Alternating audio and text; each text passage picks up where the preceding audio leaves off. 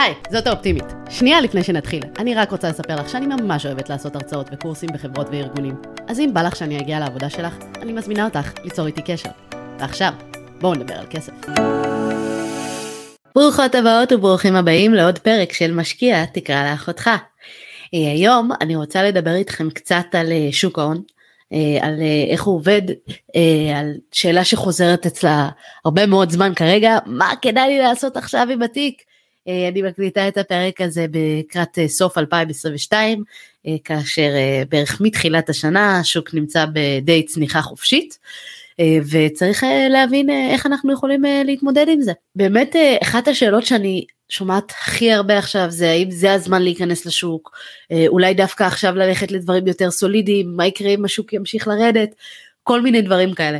אז הייתי רוצה לעשות איזשהו פרק אה, איפוס של לנסות להבין איך שוק ההון עובד, להבין אה, מה גרם לכל הירידות האלה, מה צפוי לגרום לעליות ואיך כדאי לנו להתנהג לנוכח ההתנהלות הזאת בשוק, אם בכלל כדאי לנו לשנות אסטרטגיה בדרך כזו או אחרת. מה גרם לכך שהשוק ירד? ואנחנו ככה היינו אחרי הרבה מאוד שנים שהתרגלנו לעליות אה, די חדות בשוק, בערך אה, מהמשבר של 2008 השוק די עלה ברציפות, אה, בזמן הקורונה באמת הייתה ירידה וכמה חודשים אחר כך כל הירידה הזאת כבר נעלמה כלא הייתה. באמת מה שקרה זה שאנשים התרגלו ששוק ההון פשוט תמיד עולה, שאפשר לבנות על זה לנצח וזה לא נכון. אוקיי? שוק ההון הוא הולך בזיגזג, הוא תמיד עולה ויורד, בכל רגע נתון אנחנו נמצאים במצב שבו השוק יכול לרדת גם, לא רק לעלות. אה, וזה משהו חשוב אה, לדעת כשאנחנו מתנהלים ואנחנו בוחרים את ההשקעות שלנו ובוחרים את המסלול השקעה שלנו בשוק ההון. להגיד עכשיו מה שקרה בשנת 2022 שבאמת גרם לירידות זה שבאמת בזמן הקורונה הדפיסו הרבה מאוד כספים, אה, הרבה מאוד מדינות כדי להתמודד עם משבר הקורונה, אה, זה גם גרם להרבה מחסור במוצרים, אה, שהוא בתורו גרם לאינפלציה, אה, עליית מחירים. מחסור מוצרים גם נבע מהמלחמה בין רוסיה לאוקראינה, וזה גרם למחסור יותר חמור בכל מיני מוצרים אחרים כמו גז, נפט, חיטה, תירס, כל מיני דברים כאלה. כל זה גרם לעליית מחירים, לאינפלציה. ועליית מחירים בדרך כלל גורמת לאיזושהי ירידה בשוק ההון. כי ברגע שיש לנו מחירים אה, שעולים, אנשים יודעים שמה שזה יגרום זה יגרום לריבית לעלות. וכשהריבית תעלה, בעצם לריבית יש יחס הפוך לשוק ההון. הרי מה קורה? אנחנו התרגלנו הרבה מאוד זמן שמחיר הכסף היה מאוד מאוד זול. הריביות היו מאוד מאוד נמוכות, אם רצינו לקחת הלוואה, אז בעצם היה אה, ריביות מאוד נמוכות, יכולנו לקחת הלוואות מאוד בזול. מצד שני, אם רצינו לשים את הכסף בבנק, לא היינו מקבלים על זה כמעט כלום. מה שזה גורם לכך, זה גורם לזה שאנשים אומרים, אוקיי, אם אני אשים את הכסף בבנק, לא יעשה שום דבר, אז הם שמים את הכסף אה, יותר בסיכון, כלומר יותר במניות, יותר בשוק ההון, אה, אז הרבה יותר כספים הלכו לשם. וגם לחברות היה יותר קל לקחת הלוואות, להתמנף, לגייס עובדים, ראינו את זה המון בעולם ההייטק שהיה מאוד מאוד קל אה, לקחת הלוואות ולגייס כספים ומשקיעים, כי היה הרבה כסף זול. כשהריבית עולה, הכסף יתייקר. וכשהכסף נהיה יותר יקר, זה בדרך כלל גורם לאיזושהי ירידה בשוק, או במקרה הזה גם איזשהו איזון או תיקון בריא. אבל למה זה קורה? Okay, אוקיי, שוב יש לזה הרבה סיבות, אני אסביר לכם את ההיגיון הכי פשוט להבנה. אם יש לי עכשיו אפשרות אה, היום לשים את הכסף בבנק, להרוויח ריביות של 3-4 אחוזים, אוקיי? או לשים את הכסף בסיכון בשוק ההון. אז פתאום אה, הרבה אנשים שלפני שנה שנתיים אפילו לא הייתה להם את האלטרנטיבה של לשים כסף בבנק אומרים וואלה אני בסדר עם 3-4 אחוזים בבנק. זה בטוח, הקרן שלי לא תיעלם, אה, כסף שלי אה, לא, לא ילך לשום מקום, ואז הם פשוט, הרבה מאוד אנשים מוצאים את הכסף בשוק ההון ומעדיפים לשים אותו בבנק במקום שהוא יותר בטוח. אה, מעבר לזה לחברות יותר קשה לצמוח, לגייס כספים, כי מחיר הריבית עלה, אז הם לוקחים להלוואות, אז גם להם זה נהיה יותר יקר, אז יש איזושהי האטה בצמיחה, וזה באמת גורם לכך שיש איזשהו יחס הפוך בין שוק ההון לבין הריבית. הריבית עולה, השוק נוטה לרדת, הריבית יורדת, השוק דווקא נוטה לעלות.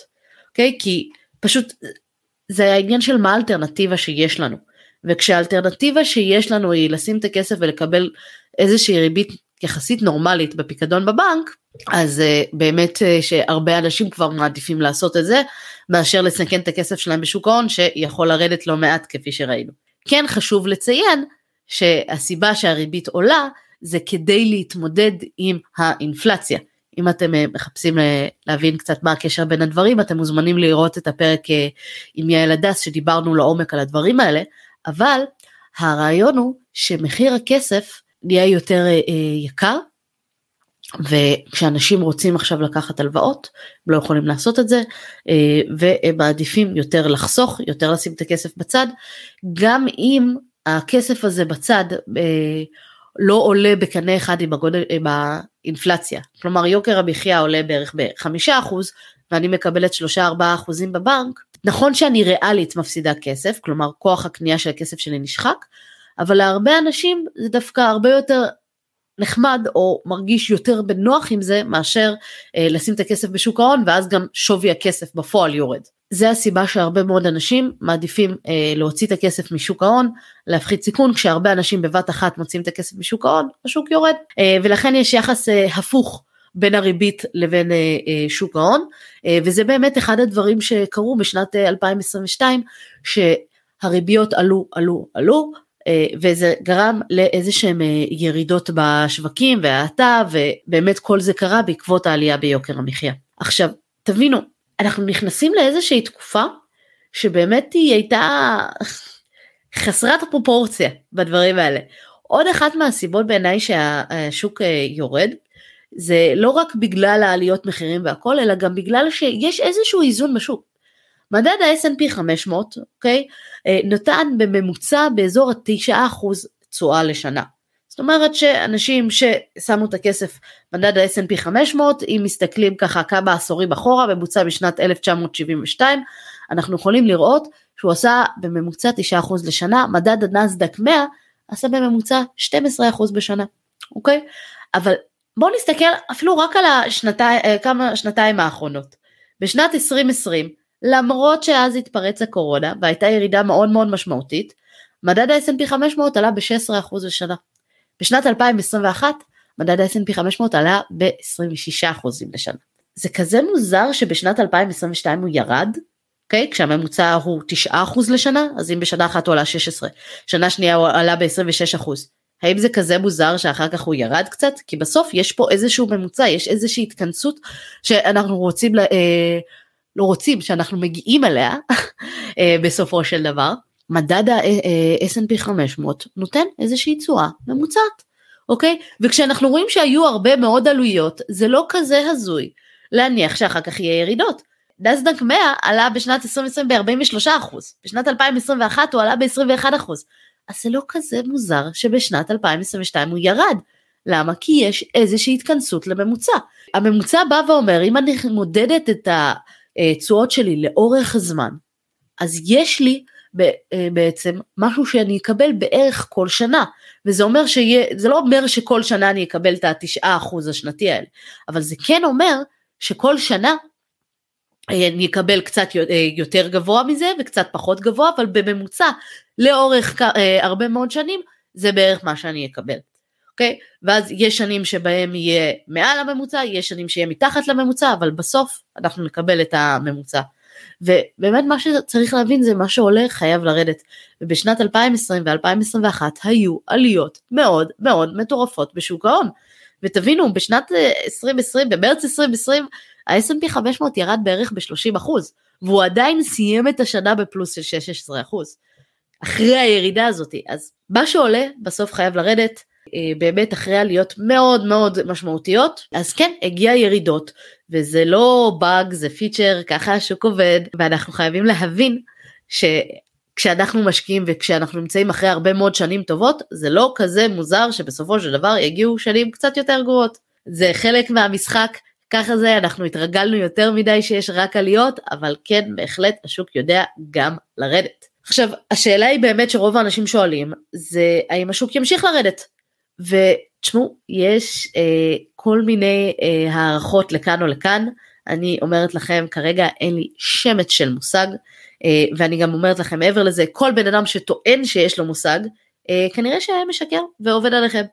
יש כאלה שבאים ומראים נתונים שהכלכלות מתחילות להתאושש, ושיחזרו דווקא להוריד את הריביות באיזשהו שלב, ויש נתונים שאומרים מה פתאום הולך להיות משבר כלכלי ומיתון מאוד מאוד ארוך וכבד, וייקח לשוק הרבה מאוד זמן להתאושש.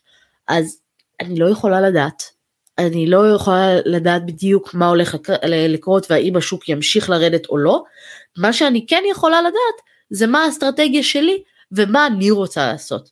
כי בסוף מה השוק יעשה זאת לא השאלה, אני יודעת שהשוק יעלה או ירד, אוקיי? אה, כששאלו אחד מה... ג'יי פי מורגן, אחד מהאנשים המובילים אה, לגבי עולם ההשקעות, מה שוק ההון יעשה, הוא אמר it will fluctuate, אוקיי? Uh, השוק יעלה או ירד, הוא פשוט uh, יהיה במצב שבו הוא יהיה, ילך בזיגזג, וזה באמת מה שהוא ימשיך לעשות.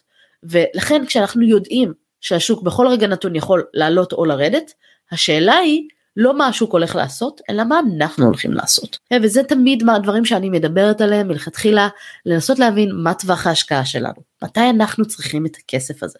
אה, האם אנחנו יכולים להתמודד מנטלית עם הירידה? אני אישית ראיתי את התיק אה, ההשקעות שלי יורד, אני ראיתי שיש דברים שהשקעתי בהם, אה, חלק מהרווחים מימשתי, חלק לא, ובאמת ראיתי שהיו עליות מטורפות, אני, והיה לי טוב עם זה, אני דווקא בדרך כלל טיפוס שיותר נלחץ כשהשוק עולה יותר מדי, אני יודעת שכשיש עליות מאוד גבוהות בדרך כלל אחר כך מגיעה איזושהי ירידה, אה, אבל השאלה היא אם אנחנו יכולים להתמודד עם הירידה הזאתי. ואני בראש שלי אני יודעת שאני משקיעה פה לאיזשהו טווח ארוך, זה לא כסף שאני אצטרך אותו אה, עוד יום יומיים ולא עוד שנה שנתיים, וכשאני מסתכלת על כל הגרפים של השווקים אני רואה שהשוק אמנם בטווח הקצר עולה ויורד, אבל בטווח הארוך הוא כן עולה. ולכן קל לי יותר להתמודד מנטלית עם הירידה הזאת. מעבר לזה, גם יש לי הרבה מאוד השקעה שהיא במניות של דיבידנד, שהן מחלקות לי איזשהו תזרים, למרות שיש ירידה אה, בשווי המניה. אני עדיין מקבלת כסף לתוך החשבון, גם אם מכרתי, לא מכרתי, נגעתי במניה, לא נגעתי במניה, היא עלתה, היא ירדה, זה בכלל לא משנה. התזרים של הדיבידנדים ממשיך להגיע אליי לתוך התיק השקעות שלי, ולכן זה עוזר לי גם מנטלית להתמודד עם הירידה. באמת, אה, לכן אני לא מתעסקת, השאלה אם עכשיו אני צריכה לשנות את התיק, האם אני צריכה לעשות איזה שהם דברים, אני פשוט שואלת את עצמי קודם כל מה הטווח השקעה שלי, ואם אני משקיעה לטווח ארוך הדברים האלה בכלל לא משנים. מכירה אנשים שנלחצו, רצו לשנות את הפנסיה שלהם, או את המסלולים של כל מיני השקעות לטווח הארוך, והם חבר'ה צעירים, ובאמת, למה? אבל זה בכלל לא משנה אם הייתה איזושהי ירידה זמנית, בדיוק כמו שקרה בקורונה, שהייתה איזושהי ירידה זמנית, ומי שלא נגע בכסף, בסופו של דבר יצא בפלוס בסוף השנה. עכשיו, אני לא יכולה לדעת בוודאות שזה מה שיקרה, יכול להיות שהם יצאו בפלוס עוד שנה, שנתיים, שלוש, אבל אם זה כסף שהוא לפנסיה, אז בכלל, מה זה משנה, תוך כמה זמן זה יקרה. אם יש לנו את היכולת להתמודד מנטלית עם הירידה, אז בהחלט זה השאלה שהיא יותר חשובה, כדי לקבוע את רמת הסיכון שיש לנו. כי אם קשה לנו להתמודד עם ירידות, אז בואו נשקיע בדברים שהם יותר סולידיים, אה, פחות ממנייתי, יותר באג"ח, יותר בהשקעות אלטרנטיביות או בנדל"ן או דברים כאלה, אבל אם אנחנו יכולים להתמודד עם זה ואנחנו מבינים שאנחנו משקיעים שם לטווח הארוך, למה להתחיל לעשות פה איזה שהם שינויים? עכשיו מעבר לזה, אני אישית לא יודעת בדיוק מתי להיכנס או לצאת מהשוק. אין אף אחד שאני מכירה שיודע בדיוק מתי התקופות הנכונות, מתי נכון להיכנס, מתי נכון לצאת.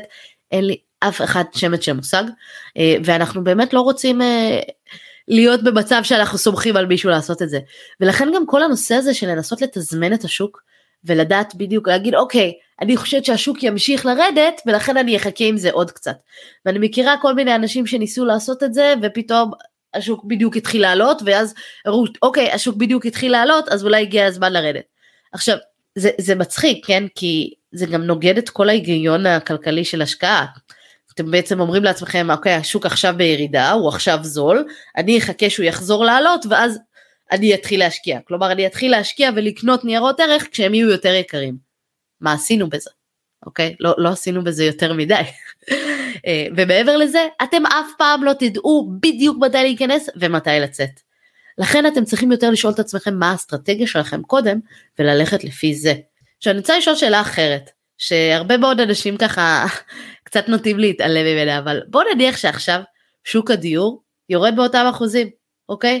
שוק הנדל"ן עכשיו אה, בארץ, אה, כמו שאנחנו רבים מכם אה, בטח יודעים, אה, נמצא אחרי הרבה מאוד עליות מטורפות ואתם רואים שפתאום הוא יורד בקיצוניות. אוקיי? האם זה מבחינתכם הזמן שיש לכם עם דירה להשקעה אז אתם תמכרו את הדירה? או שתחליטו שדווקא זה הזמן לקנות דירה להשקעה. זה מצחיק אותי שכשאני שואלת את השאלה הזאת על נדל"ן, דווקא רוב האנשים פתאום אומרים כן אם יש ירידה בשוק הנדל"ן אז ברור שזה הזמן לקנות. אוקיי אז למה שוק ההון שונה? מה ההבדל? כשאנחנו רוצים לקנות דירה להשקעה אז ברור שהזמן לקנות זה דווקא כשיש ירידות אנחנו רוצים להיכנס לשם. אותו הדבר כשאנחנו רוצים לקנות ניירות ערך ברור שהזמן לקנות זה כשזה זול וכשזה לא כשזה אה, אה, יקר. עכשיו באמת גם בשוק הנדל"ן אני לא יודעת בדיוק מתי התחתית הגיעה, אני לא יודעת בדיוק מתי הירידות יפסיקו והעליות יחזרו, ואותו דבר לגבי שוק ההון, אנחנו לא יכולים לתזמן את השוק, אנחנו לא יכולים לדעת בדיוק מתי זה יקרה, אנחנו רק יכולים לדעת האם לנו כלכלית זה נכון ומבחינה אסטרטגית זה משהו שהוא עדיף לנו או לא. הרעיון הוא כזה בעיניי אה, בשוק ההון, כשיש, ובכלל בעולם ההשקעות אה, באופן כללי, כשיש מבצעי סוף עונה, זה הזמן לקנות. אני אוהבת לקנות כשיש סיילים. יש הרבה מאוד ניירות ערך, הרבה מאוד מניות, הרבה מאוד חברות, שלפני שנה שנתיים היה מאוד מאוד קשה לקנות אותם, הם היו מאוד מאוד יקרות. ועכשיו פתאום המחירים מתחילים להיות קצת יותר הגיוניים. ואני באמת חושבת שהמחירים לפני כן היו מאוד גבוהים, מאוד מנופחים, היה מאוד קשה למצוא ניירות ערך שהם באמת אה, היו טובים להשקעה, ולכן בעיניי הרבה יותר נכון להשקיע אה, דווקא כשיש את הירידות. שוב, זה מה שמתאים לי ברמה האישית. זה לא אומר שזה בהכרח מה שאתם צריכים לעשות, אלא אני טיפוס שחי בשלום עם הסיכון הזה. אני טיפוס שיכול לראות את התיק השקעות שלו עולה ויורד, ואני יכולה לישון עדיין טוב בלילה. אם אתם לא נמצאים במקום הזה, אין שום בעיה, זה לא הסגנון השקעה שמתאים לכם. אבל אני כבר בירידות האלה, קניתי עוד ניירות ערך וחלקם גם המשיכו לרדת, אבל אני יודעת שאני פה לטווח הארוך. אני מאמינה שהניירות ערך האלה יחזרו לעלות, ואין לי שום בעיה לשבת ולחכות בסבלנות ולתת להשקעה לעבוד בשבילי. וזה באמת מה שנכון אה, עבורי, אה, בעיניי כל אחד מכם צריך למצוא את האסטרטגיה שנכונה לכם, אבל באופן כללי בהשקעות אה, אנחנו עושים כסף כשאנחנו קונים כשזול ומוכרים כשיקר. ככה זה עובד. אוקיי? אז אל תחכו כשהשוק אה, יעלה ואז תקנו אותו כשהוא יקר. אה, אם אתם רוצים באמת אה, להרוויח, דווקא לקנות כשיש את הירידות, ובאמת יש לא מעט מחקרים היסטוריים שמראים את זה, אה, קנייה של ניירות ערך בזמן הירידות והמשברים, גם אם לא תפסתם בדיוק את הנקודה שהיא הכי למטה, אבל נשארתם שם לטווח ארוך, זה באמת הכיוון שהוא הכי הכי אה, אה, רווחי לאורך השנים. עכשיו, מעבר לזה, ואני למה אני שוב חושבת שכדאי אה, לא לנסות לתזמן את השוק יותר מדי, ולא לחכות עכשיו לסוף הירידות אלא שיגיעו עליות, זה שהמחקרים מראים שדווקא התשואות הכי גבוהות, הן נעשות בכמה ימים בודדים. יש ממש מחקרים שמראים שאם פספסתי את העשרה ימים הכי טובים, קרו במשך כמה שנים, בעשרה הימים שבהם היו את התשואות הכי גבוהות, יכול מאוד להיות שאני פשוט אצא במקום בהשקעה שהיא רווחית, אני אצא בהפסד. וזה רק עשרה ימים מתוך תקופות של 20 שנה. זה למה אנחנו לא רוצים לתזמן את השוק, כי אם אני אומרת אוקיי אני אחכה שיגיעו עליות, פספסתי חלק מהימים האלה. פספסתי את החלק מהימים שהם עשו את העליות, ויכול להיות שאז אני באמת אהיה באיזושהי אה, אה, ירידה. התשואה הזאת שנעשית בכמה ימים בודדים, אה, שהיא זאת שגובה אה, עושה את רוב הכסף עבורנו, זה בעצם מה שמראה לנו שאנחנו לא יכולים לנסות לתזמן. אנחנו לא יכולים לחכות שהשוק יחזור לעלות, כי יכול להיות שהוא עלה יום אחד, ב- ב- אפילו בעשרה אחוזים, אבל יום אחר כך הוא ירד בעוד שני אחוזים. ואז מה עשינו בזה? פספסנו את העלייה הגדולה ואז יר... נכנסנו אחרי שזה עדיין יקר יותר? הרעיון הוא לא להתחיל לחכות, ובעיניי אחד הדרכים, הדברים שכדאי מאוד לעשות כדי בכלל לא להתעסק עם הדבר הזה, זה איזושהי השקעה בסכומים קבועים.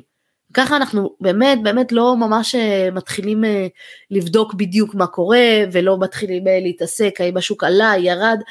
בעיניי הדרך הכי טובה להתמודד עם זה ולחסוך בעצמנו את ההתנהלות זה פשוט לעשות איזושהי הוראת קבע ולעשות השקעה בסכום קבוע במשך כל חודש ואז ככה אנחנו גם מקבלים את המחיר הממוצע אז לפעמים נקנה בקצת יותר יקר לפעמים נקנה קצת יותר בזול אבל ברגע שעשיתי איזשהי סכום השקעה שהוא קבוע ואני משקיע אותו מדי חודש, מדי רבעון, לא משנה כמה, אז אני יכולה לדעת שאני לא אפספס את הכמה ימים הטובים האלה ואני גם חוסכת לעצמי את כל הדילמה הרגשית הזאתי אה, של אה, האם עכשיו זה הזמן להשקיע או לא, כי שוב, אני בחיים לא יודע, אוקיי? אני בתור בת אנוש אה, לא יכולה לדעת את זה ואני גם טוענת, אומרת לכם כל מי שיודע אה, אומר לכם בדיוק שהוא יודע מתי היום כן להשקיע אז אה, זה באמת לא לא, אה, לא הבן אדם ששווה להקשיב לו. אה, כי רוב האנשים שאני מכירה שהם באמת אה, מקצוענים בשוק ההון ומבינים ונמצאים בתחום הרבה מאוד שנים כולם יגידו לתזמן את השוק לא משימה אפשרית.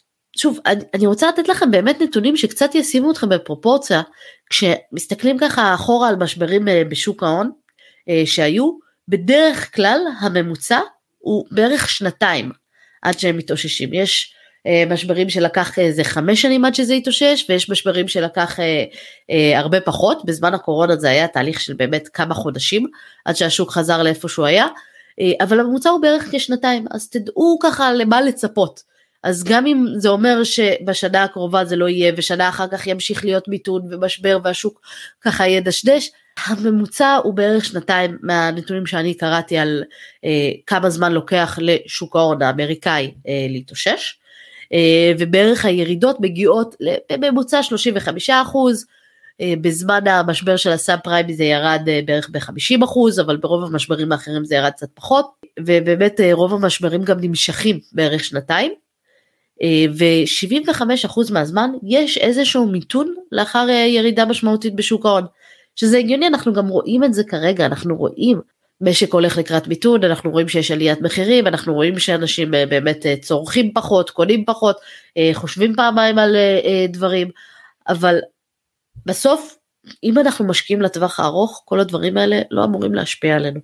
אנחנו רוצים לדעת אה, שההשקעות שלנו אה, יעזרו לנו לטווח הארוך, אם אנחנו משקיעים לטווח הקצר, אז לא בטוח שהמקום שלנו נמצא בשוק ההון, ואולי אני אדבר בסוף גם על איפה כדאי לנו להיכנס אה, דווקא לטווח הקצר, אבל בטווח, בטווח הקצר, שוק ההון, בטח ובטח לא שוק המניות, זה לא המקום שאנחנו רוצים להיות בו. כי בטווח הקצר שוק המניות עולה ויורד והוא יכול לעשות את זה בכל רגע נתון ואנחנו לא יכולים לתזמן את זה ואנחנו לא יכולים לקחת על זה אחריות ואנחנו לא יכולים לדעת בדיוק מתי כדאי להיכנס ומתי אה, אה, להשקיע. עכשיו כמו שאמרתי אני ברמה האישית חושבת שזו תקופה מצוינת להיכנס לשוק. אני ברמה האישית אה, אומרת וואלה היו הרבה מאוד אה, ירידות כל פעם שיש לי כסף אה, פנוי אני מנסה להשת... אה, להשקיע כמה שיותר.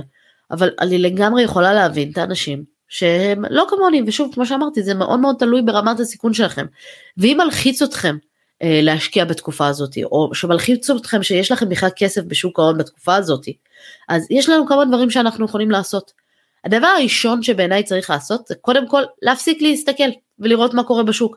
אם הכסף מיועד להשקעה לטווח ארוך תפסיקו, תעשו לעצמכם טובה, אל תקראו את העיתונות הכלכלית, אל תיכנסו לתיק השקעות, אל תבדקו מה קורה, הכי טוב פשוט לטמון את הראש בחול, לחכות שזה יעבור.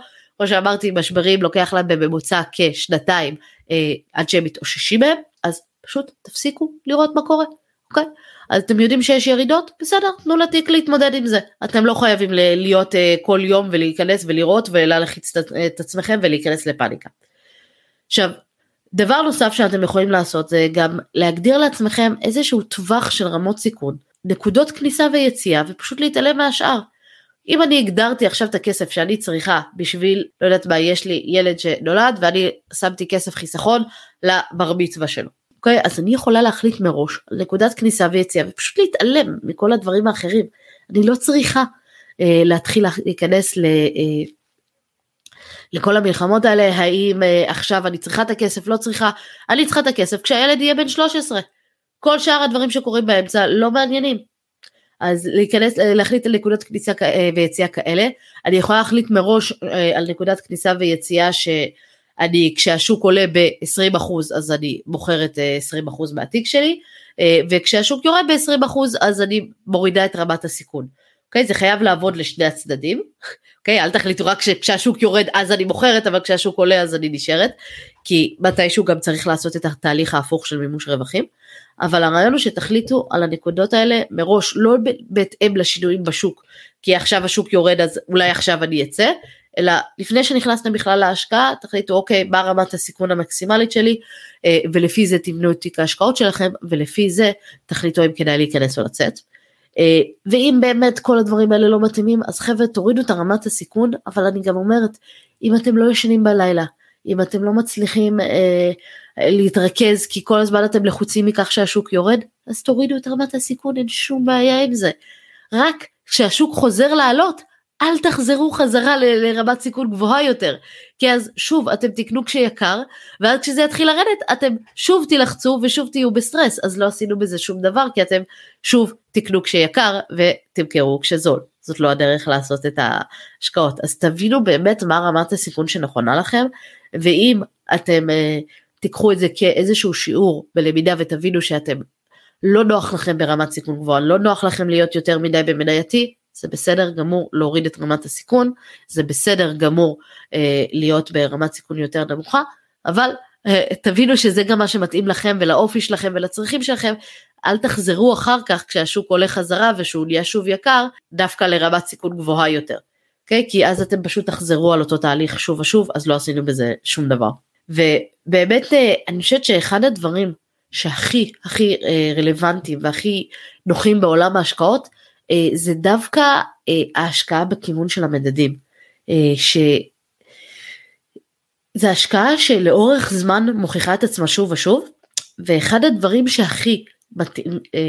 גורמים להצלחה של ההשקעה הזאתי, זה דווקא שאני נשארת עם המנצחות. עכשיו, מה זה אומר השקעה במדדים? השקעה במדדים, אם ניקח לדוגמה את ה-S&P 500, שזה ה-500 חברות הכי גדולות אה, בארצות הברית, המדד הזה לא היה אותו דבר, 500 החברות הללו זה לא אותן חברות שהיו שם לפני 20 שנה וזה לא אותן חברות שהיו שם לפני 40 שנה. Okay, אוקיי? מי שהחזיק את המדד, מי שקנה את המדד עצמו, הוא נשאר בעצם עם אותו נייר ערך, אותו מדד, אבל מניות שמרכיבות את המדד הזה, נשארו אותו הדבר בדיוק. זה באמת משהו שהוא, מישהו שקנה את המדד S&P 500 לפני 20 שנה, מניות, החברות שהרכיבו את 500 החברות האלה, זה לא אותן חברות שנמצאות היום.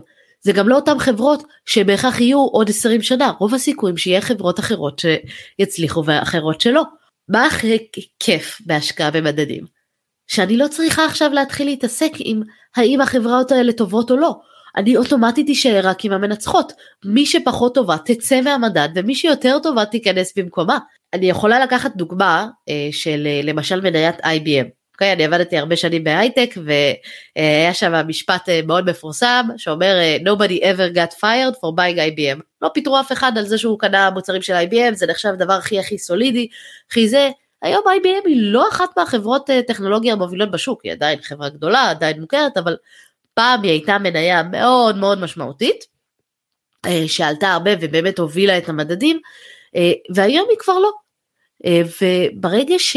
השקעתי באיזשהו מדד, אז אני יכולה אה, לקחת אה, איזושהי הפסקה מלנסות להבין מי תהיה המניה הכי טובה, אלא פשוט להגיד אני נשארת עם הכי גדולות. וזה משהו שאני מאוד מאוד אוהבת בהשקעה במדדים, שאני יכולה בשקט לקחת את המדד הזה, להישאר איתו ל-20 שנה הקרובות, ואני יודעת שאני אשאר עם המנצחות.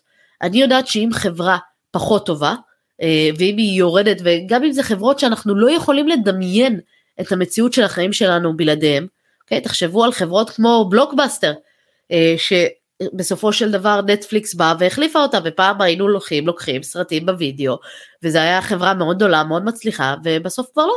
קודק, שהיינו לוקחים אה, וקונים אה, מצלמה עם פילים, והיום קודק חברה הרבה יותר קטנה, ופעם היא הייתה מהמובילות שוק. ובאותו זמן שהיינו חיים אז, לפני 20 שנה, היה מאוד קשה לראות את העולם בלי חברות כמו IBM, בלי חברה כמו אה, בלוקבאסטר אה, או קודק, כי זה באמת מה שהיה וזה מה שהכירו. מצד שני, העולם השתנה, הטכנולוגיה התקדמה, האינטרנט לקח, אה, תפס תאוצה וזה דברים שהיה מאוד מאוד קשה ל- לראות אותם. והיום אנחנו נמצאים בעידן ששוב גם הולכים להיות עוד פעם תהיה אינטליגנציה מלאכותית שתשנה את הכל והולך להיות אנרגיה ירוקה שיעשה שם שינוי ועולם הקריפטו יכול לשנות את הכל אה, וכל העולם של הפודטק והאוכל שאנחנו אוכלים הולך להשתנות אז יש פה הרבה מאוד שינויים שאנחנו אפילו לא יודעים מה ההשפעה ומה השינוי שלהם יהיה עוד 20 שנה. ואיך זה, זה ישפיע ובמקום לנסות עכשיו לנחש ולבנות את התיק לטווח הארוך ולנסות להבין בדיוק איזה חברה כן תצליח ואיזה חברה לא תצליח לעוד 20 שנה כי זו משימה בלתי אפשרית. דווקא ההשקעה במדדים כשאני באה ואומרת אני משקיעה בתל אביב 35 ולא משנה מה בכל רגע נתון יש לי את ה-35 החברות הכי גדולות בבורסה הישראלית. אוקיי? גם אם אה, פעם זו הייתה חברת טבע שהייתה נחשבת להכי גדולה ואחר כך היא ירדה ועכשיו זה חברות אחרות שתופסות את הנתח שוק. ככה אני תמיד מקבלת את התמונת מצב הכי עדכנית והחברות שהן לא טובות יוצאות מהמדד לבד. אני לא צריכה לעשות איזושהי פעולה. אני בסוף נשארת עם החברות הכי טובות וזה למה השקעה במדדים היא בעיניי השקעה שהיא כל כך טובה לטווח הארוך. היא כל כך אה, אה, נכונה וכל כך הגיונית והיא גם לא דורשת ממני פה איזושהי התעסקות או ניסיון לנחש את העתיד אלא כל מה שאני צריכה לחשוב זה האם מדינת ישראל תהיה רלוונטית עוד 20 שנה. האם ארצות הברית תהיה רלוונטית עוד 20 שנה וברגע שאני עושה את ההשקעה הזאתי אני יודעת שאני השקעתי בתחום אה, שהוא נכון עבורי וזה, וזו השאלה שאני צריכה ל, ל, לשאול את עצמי וכמובן שכשאני בוחרת מדד כמובן לא לבחור במדדים רק של מניות אה, אלא באמת להבין את רמת הסיכון שיש לנו להבין כמה מניות אני רוצה לעומת כמה אגרות חוב כמה אה, שהתיק שלי יהיה סולידי או כמה שהוא יהיה תנודתי.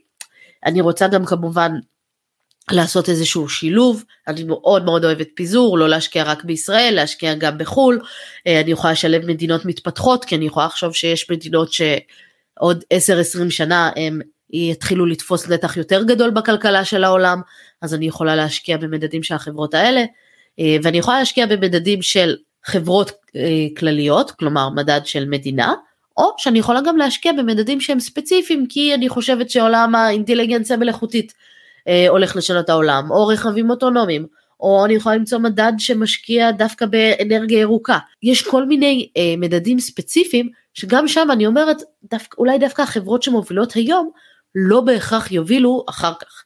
אז אני רוצה אה, לבחור מדדים שהם באמת יכולים להתאים לי אה, ואני יכולה להישאר איתם בשקט לאורך זמן. כי שוב גם אם יש עכשיו משבר וגם יש עכשיו מיתון ויש חברה שתיים שפושטת רגל אם השקעתי אך ורק בחברה שתיים ובמקרה זה היה חברה שתיים האלה אז הפסדתי הרבה מאוד כסף. אם השקעתי במדד החברות הגרועות האלה יצאו מתוך המדד ובמקומם יתכנסו חברות טובות יותר, חזקות יותר, בריאות יותר, שיותר מתאימות לכלכלה של היום. וזה ימשיך לקרות, אה, ולכן אני נורא אוהבת את ההשקעה של מדדים אה, אה, לטווח ארוך, ואם אתם שואלים אותי איך מונים תיק באמת שהוא נכון לטווח ארוך, אז מונים אותו בעיקר על התבסס על מדדים, ועל כך שאנחנו לא צריכים להתעסק איתו, לא צריכים עכשיו להתחיל לחשוב האם החברה הזאת כן תצליח או לא תצליח. אבל אני מבינה שהרבה פעמים לא כל ההשקעות שלנו הם דווקא לטווח הארוך. לפעמים בא לנו לקחת השקעות ולשים אותם לטווח הקצר. וכמו שאמרתי שוק המניות הוא לא כל כך טוב להשקעות לטווח הקצר כי הוא יכול כל הזמן להשתנות. ולכן אה, היום כשהריביות קצת משתנות אולי אנחנו יכולים לדבר על השקעות שהן דווקא לטווח הקצר שפחות היו רלוונטיות לפני כן כשהריביות, אה, תקופה שהריביות היו אפסיות. אחד הדברים שאנחנו באמת רגילים אה, לעשות כהשקעה שהיא טווח קצר, ללכת לפיקדון אה, בנקאי ולשים את הכסף באיזשהו פיקדון בבנק. לא היינו מקבלים מזה יותר מדי כסף ואנחנו חייבים לנעול את הכסף לחודש, שנה, שנתיים, שלוש ורק אז אם נעלנו את הכסף אנחנו יכולים לקבל איזשהו השקעה, תשואה נורמלית עבור הכסף שלנו. אבל יש עוד איזושהי אלטרנטיבה, אוקיי? יש לנו את הפיקדון הבנקאי שאנחנו סוגרים את הכסף, מוגדר מראש, מקבלים את הריבית, יודעים בגדול מה הריבית תהיה, זה יכול להיות ריבית שהיא קבועה, זה יכול להיות ריבית שהיא משתנה לפי הפריים, אבל יש אה, מוצר שנקרא קרן כספית, שהוא בעצם מאפשר לי להשקיע אה, בשוק ההון בצורה שהיא מאוד מאוד מאוד סולידית, אה, לקבל כן את הנזילות, שזה החיסרון הגדול של פיקדון בנקאי, שגם אם אני יכולה לקבל תשואות קצת יותר גבוהות היום, אה, בפיקדון בבנק, זה אומר שהכסף לא נזיל ואני בעצם נעלתי אותו, אז בקרן כספית אני אוכל לקבל בערך מה שאני יכולה לקבל אם אני שמתי את הכסף בפיקדון בנקאי לשנה, רק שזה נזיל. מה שזה עושה בעצם, זה בעצם איזשהו קרן נאמנות, שהיא מחייבת אותי להשקיע בנכסים ברמת סיכון מאוד מאוד נמוכה, אוקיי? זה אגרות חוב בדירוג מאוד מאוד גבוה, אה, אה, זה הרבה פעמים גם שמים שם את הכסף בפקדונות בנקאיים אה, או כל מיני דברים אחרים, שוב תלוי בקרן ספציפית ובמה היא משקיעה, אבל הרעיון הוא שאני מסתכלת על קרן כספית, מה שזה מאפשר לי זה מאפשר לי בעצם את הנזילות. כן חשוב להבין שאם אני משקיע דרך הבנק, קרן כספית אין לי עמלות קנייה ומכירה וגם אסור לבנק לגבות uh, דמי משמרת. ואני יודעת שאם יצא לכם לשמוע אותי מדברת על שוק ההון בעבר אמרתי לכם בואו תשקיעו דרך בתי ההשקעות זה הרבה יותר זול uh, אתם חוסכים הרבה מאוד מעמלות בעמלות uh, הבנקים שוחטים. אבל ספציפית בקרן כספית אסור לבנקים לקחת עמלות אז שם דווקא עדיף לעשות את זה דרך הבנק ולבחור איזושהי קרן כספית הבנקאים לא יגידו לכם לעשות את זה. גם בגלל שהם לא כל כך מרוויחים מזה, הם יעדיפו שתשימו את הכסף בפקדונות ואז הבנק ישקיע את הכסף שלו, אה, אבל גם בגלל שהבנקאים חוקית אסור להם להמליץ על קרנות כספיות, אוקיי? זה נייר ערך שהוא אה, נייר ערך שנסחר בשוק ההון.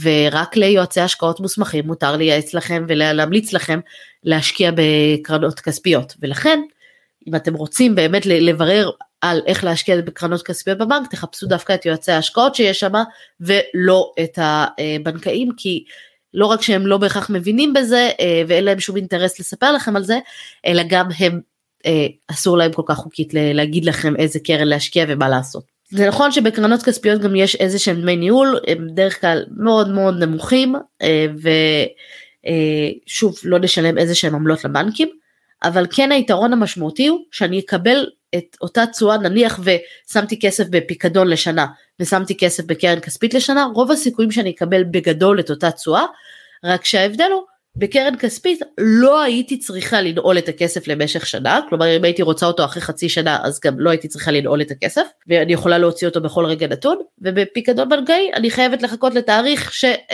שמסוים ספציפי שבו אני יכולה להוציא את הכספים האלה. אז אה, דרך הבנק באמת אה, עדיף להשקיע ולשים את הכסף בקרן כספית. שוב תבינו שמדובר גם בקרנות כספיות בסיכון מאוד מאוד נמוך. אה, אחד הדברים שאני רואה כשאנשים מסתכלים על, על הקרנות כספיות וככה מעין אה, חוסר הבנה בסיסית של קצת איך השוק עובד, יצא לי לדבר על זה עם מישהו לא מזמן, שהוא אמר לי, תשמעי, אבל ישבתי עם הבנקאי בבנק, ששוב כמו שאמרתי הם לא מבינים בזה ואין להם כל כך אינטרס לעשות את זה, והוא אומר, תשמע, אם תסתכל, התשואות של קרנות כספיות עשו בשנה האחרונה הם 0.1 אחוז, 0.2, 0.3 אחוז. זאת אומרת, אז עדיף לך לשים את הכסף בפיקדון בבנק, כי שם אתה תקבל 3-4 אחוז לשנה.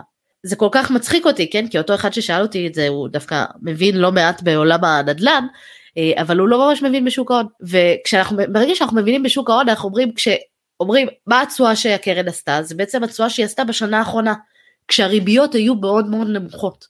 מצד שני, אם אני אסתכל גם על מה התשואה שעשו הפקדונות הבנקאיים למי שסגר את הכסף לפני שנה, גם זה יהיה מאוד נמוך, גם זה יהיה באזור ה-0.1, אחוז לשנה. אז זה נורא מצחיק כי כאילו עושים השוואה לא נכונה. כשמשווים מה הקרן הכספית עשתה בשנה האחרונה אז אני מסתכלת על השנה שבהם הריביות היו נמוכות ועוד לפני שהם התחילו לעלות. מצד שני כשאני מסתכלת על פיקדון בנקאי אני מסתכלת על איזה ריביות אני אוכל לקבל לשנה הבאה לא איזה ריביות קיבלתי בשנה האחרונה.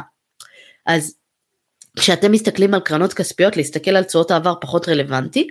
אה, אני חושבת שאולי הדרך הכי טובה לחשוב על זה זה לחשוב שמי שלוקח קרן כספית זה בעצם מנהלי, מנהלי אה, קרן נאמנות אה, שהם לוקחים כסף מהרבה מאוד אנשים ושמים את זה באיזשהו פיקדון בבנק. ואם אני באה עם עשרת אלפים שקל לבנק הוא נותן לי את התנאים אה, מאוד אה, בסיסיים.